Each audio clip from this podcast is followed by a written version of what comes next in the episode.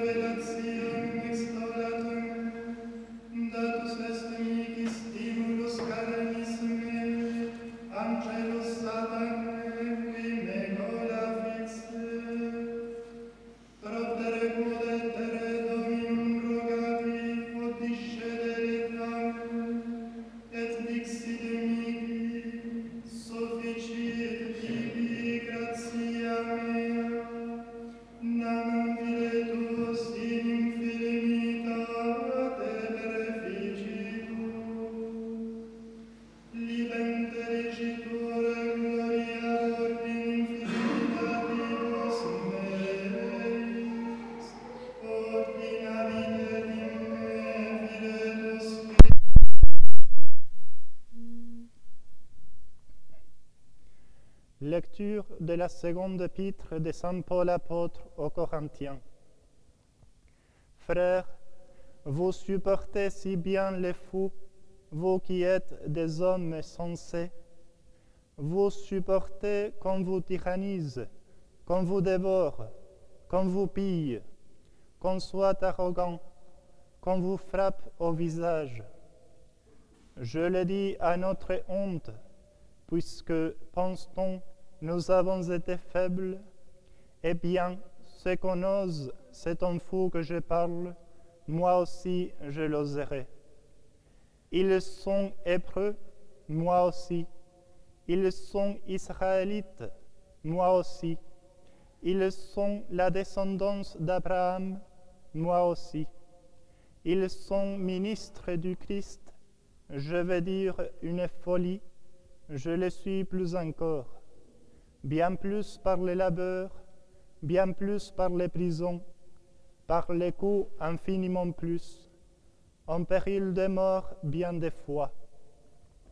Des Juifs, j'ai reçu par cinq fois les quarante coups moins un. Trois fois j'ai subi la bastonnade, j'ai été lapidé une fois j'ai fait naufrage trois fois. J'ai passé une nuit et un jour sur l'abîme. Souvent par les routes, parmi les dangers des fleuves, les dangers des brigands, dangers, venant, venant de, mon peuple, dangers venant des païens, dangers de la ville, dangers du désert, dangers de la mer, dangers des faux frères dans le labeur et la peine, les veuilles fréquentes, la faim et la soif, les jeûnes fréquents, le froid et la nudité. Sans parler du reste, mes préoccupations quotidiennes, les soucis de toutes les églises. Qui est faible sans que je sois faible Qui trébuche sans que je sois sur les charbons s'il faut se glorifier, c'est de ma faiblesse que je me glorifierai. Le Dieu et Père de notre Seigneur Jésus-Christ, béni soit-il à jamais, c'est que je ne mens pas. À Damas, le représentant du roi Arétas faisait garder la ville de Damas pour m'arrêter. Alors, par une fenêtre, on me descendit dans un panier le long de la muraille, et j'échappais à ses mains. Il faut se glorifier, cela ne sert à rien, mais j'en viendrai aux visions et aux révélations du Seigneur. Je sais un homme dans le Christ qui, voici quatorze ans, était-ce dans son corps, je ne sais, était-ce hors de son corps Je ne sais, Dieu le sait. Cet homme-là fut emporté au troisième ciel. Et je sais que cet homme, dans son corps ou sans son corps, je ne sais, Dieu le sait, cet homme fut emporté au paradis. Et il entendit des paroles secrètes qu'il n'est pas permis à l'homme de prononcer. Pour cet homme-là, je me glorifierai, mais pour moi-même, je, ne me, glorifierai pas si ce n'est de mes faiblesses. Certes, si je veux me glorifier, ce ne sera pas folie, car je dirai la vérité. Mais je m'abstiens de peur qu'on m'estime au-dessus de ce qu'on peut voir ou entendre de moi et à cause de l'excellence de ces révélations, afin que je n'ai pas d'orgueil, il m'a été donné une écharde dans la chair, un envoyé de Satan pour qu'il me soufflette. Par trois fois, j'ai prié le Seigneur à son sujet pour qu'il s'écarte de moi. Et le Seigneur m'a dit, ma grâce te suffit car ma puissance atteint sa plénitude dans la faiblesse. De grand cœur donc, je me glorifierai plutôt de mes faiblesses, afin que demeure en moi la puissance du Christ.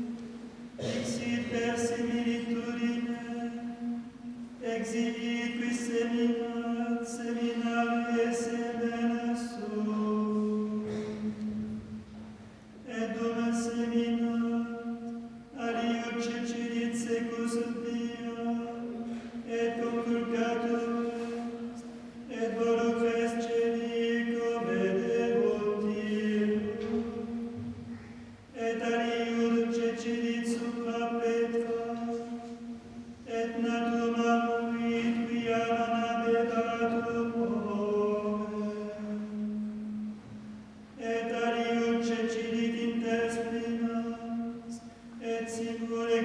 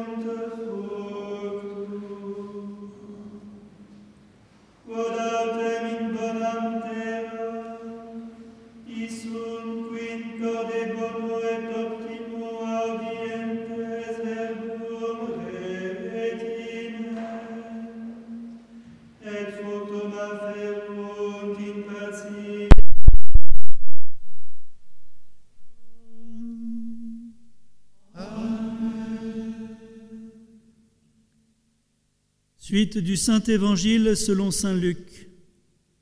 En ce temps-là, comme une foule nombreuse se rassemblait et que de toutes les villes on venait à Jésus, il dit en parabole, Le semeur sortit pour semer sa semence, et tandis qu'il semait, il en tomba au bord du chemin, et elle fut piétinée, et les oiseaux du ciel la mangèrent. Il en tomba aussi sur la pierre, et quand elle eut poussé, elle sécha, ne trouvant pas d'humidité.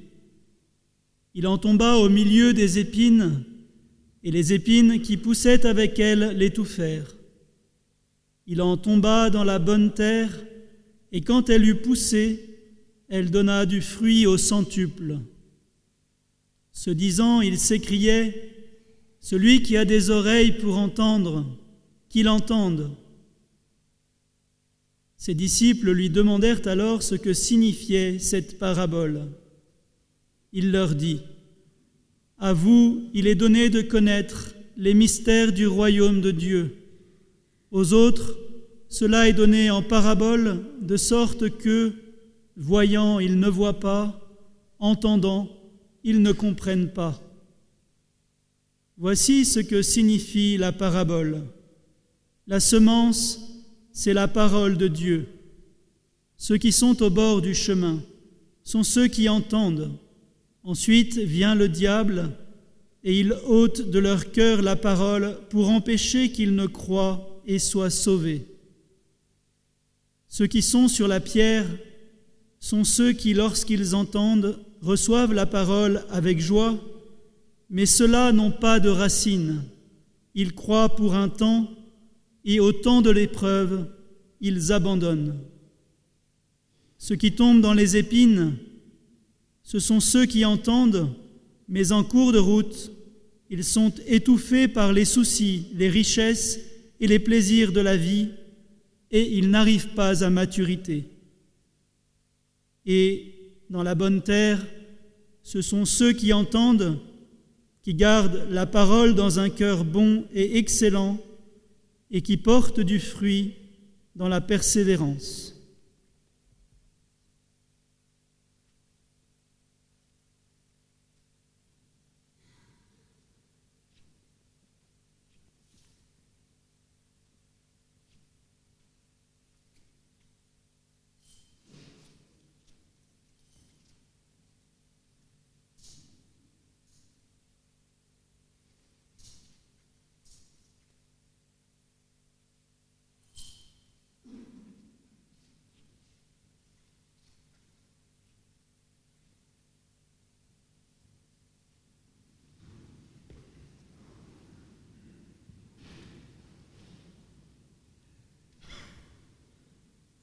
Du Père, du Fils et du Saint-Esprit, ainsi soit-il. Mon révérend Père, mes bien chers frères, chers amis, chers scouts et guides de France, chère équipe Saint-Benoît.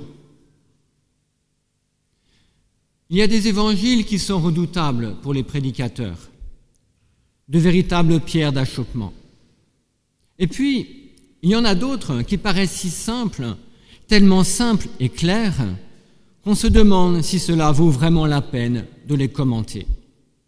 Surtout, et c'est le cas de celui d'aujourd'hui, quand ils sont déjà expliqués par notre Seigneur lui-même. Certains me diront peut-être que cela tombe très bien, car l'épître était déjà suffisamment longue comme cela. Et pourtant, hélas, il faut bien dire quelque chose. Aussi, pour tenter d'échapper à la tentation de la paraphrase stérile, nous essayerons d'appliquer cet évangile de la semence au plan de la vie spirituelle. Car la grande leçon de cette parabole consiste précisément à montrer comment naît ou meurt la vie spirituelle dans les âmes. Dans cette parabole, notre Seigneur compare la parole de Dieu à une semence, à ce germe de vie qui est appelé à pousser et à grandir dans les âmes. Ne croyons pas pour autant que pour germer, cette semence n'a qu'à être jetée par le semeur dans nos âmes, comme les Juifs qui croyaient être sauvés par le seul fait d'appartenir au peuple de Dieu, ou encore comme ces chrétiens qui s'imaginent être sauvés par le seul fait d'avoir été baptisés. Non, le royaume de Dieu que notre Seigneur est venu instaurer sur cette terre réclame une étroite collaboration entre Dieu et les hommes. Et toute cette parabole a justement pour but de montrer comment elle peut s'effectuer et quels en sont les fruits. Notre Seigneur répartit les personnes qui reçoivent cette semence en quatre catégories qui en fait peuvent correspondre aux quatre âges de la vie spirituelle.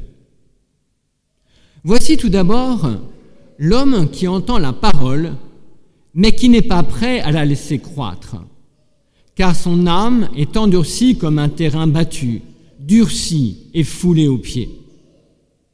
La parole demeure à la surface, non recouverte, non défendue. L'action de Satan est alors que trop facile.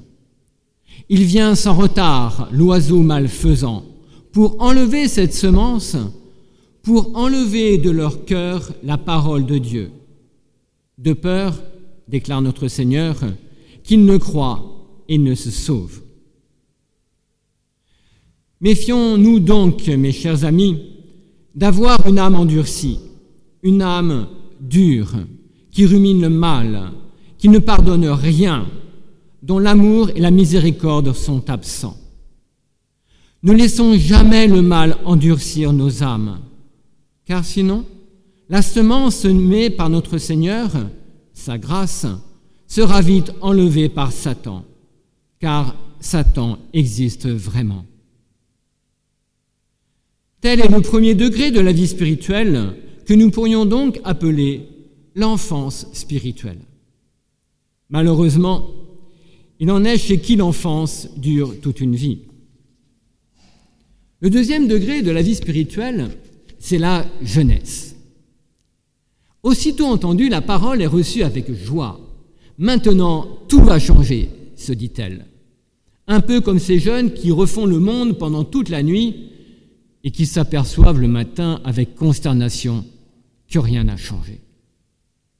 En effet, ici, L'âme est pierreuse, dépourvue de racines.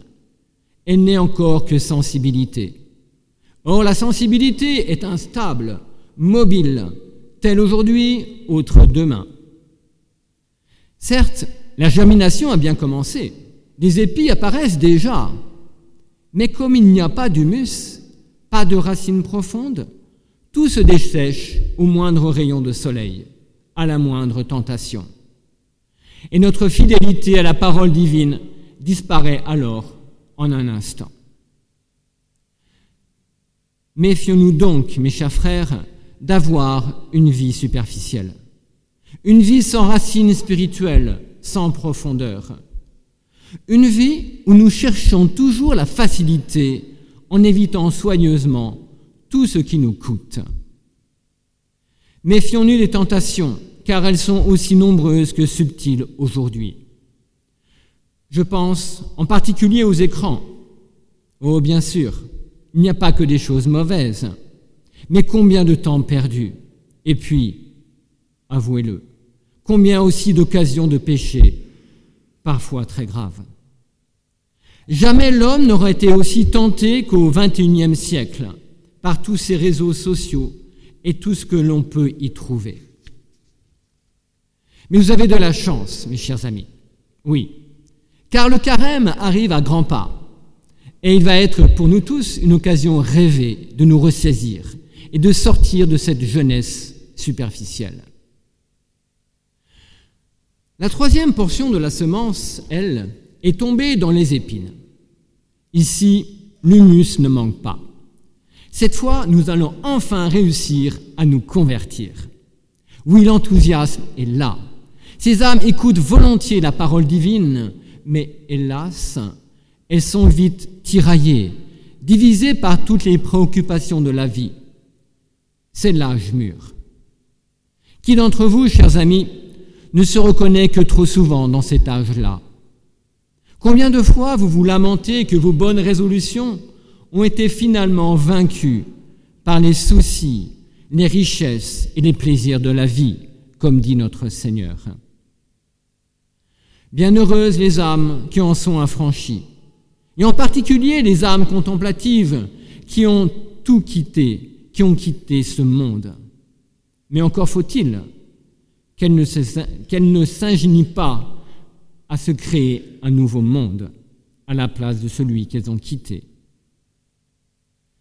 La dernière partie de la semence tombe enfin dans la bonne terre. Tout n'est donc pas perdu. Disons, si vous voulez, que c'est la vieillesse. Non pas qu'il soit nécessaire d'avoir des cheveux blancs pour être docile à la parole de Dieu, mais parce que les conditions décrites par notre évangile appartiennent surtout à la pleine maturité. Un accueil enthousiaste, avec une terre bien retournée et débarrassée des épines et des ronces. Ces âmes écoutent et reçoivent volontiers la parole, mais surtout elles la conservent dans un cœur bon et pur. Elles la cultivent avec persévérance et sont capables de souffrir pour elle avec patience. Et ainsi, elles produisent du fruit. Un fruit dont l'abondance sera d'ailleurs proportionnée au degré de cette patience. En conclusion, mes chers frères, nous sommes tous invités à nous examiner, à voir à quel âge de la vie spirituelle nous nous situons. Autrement dit, à chacun de se demander quel terrain il offre à la grâce.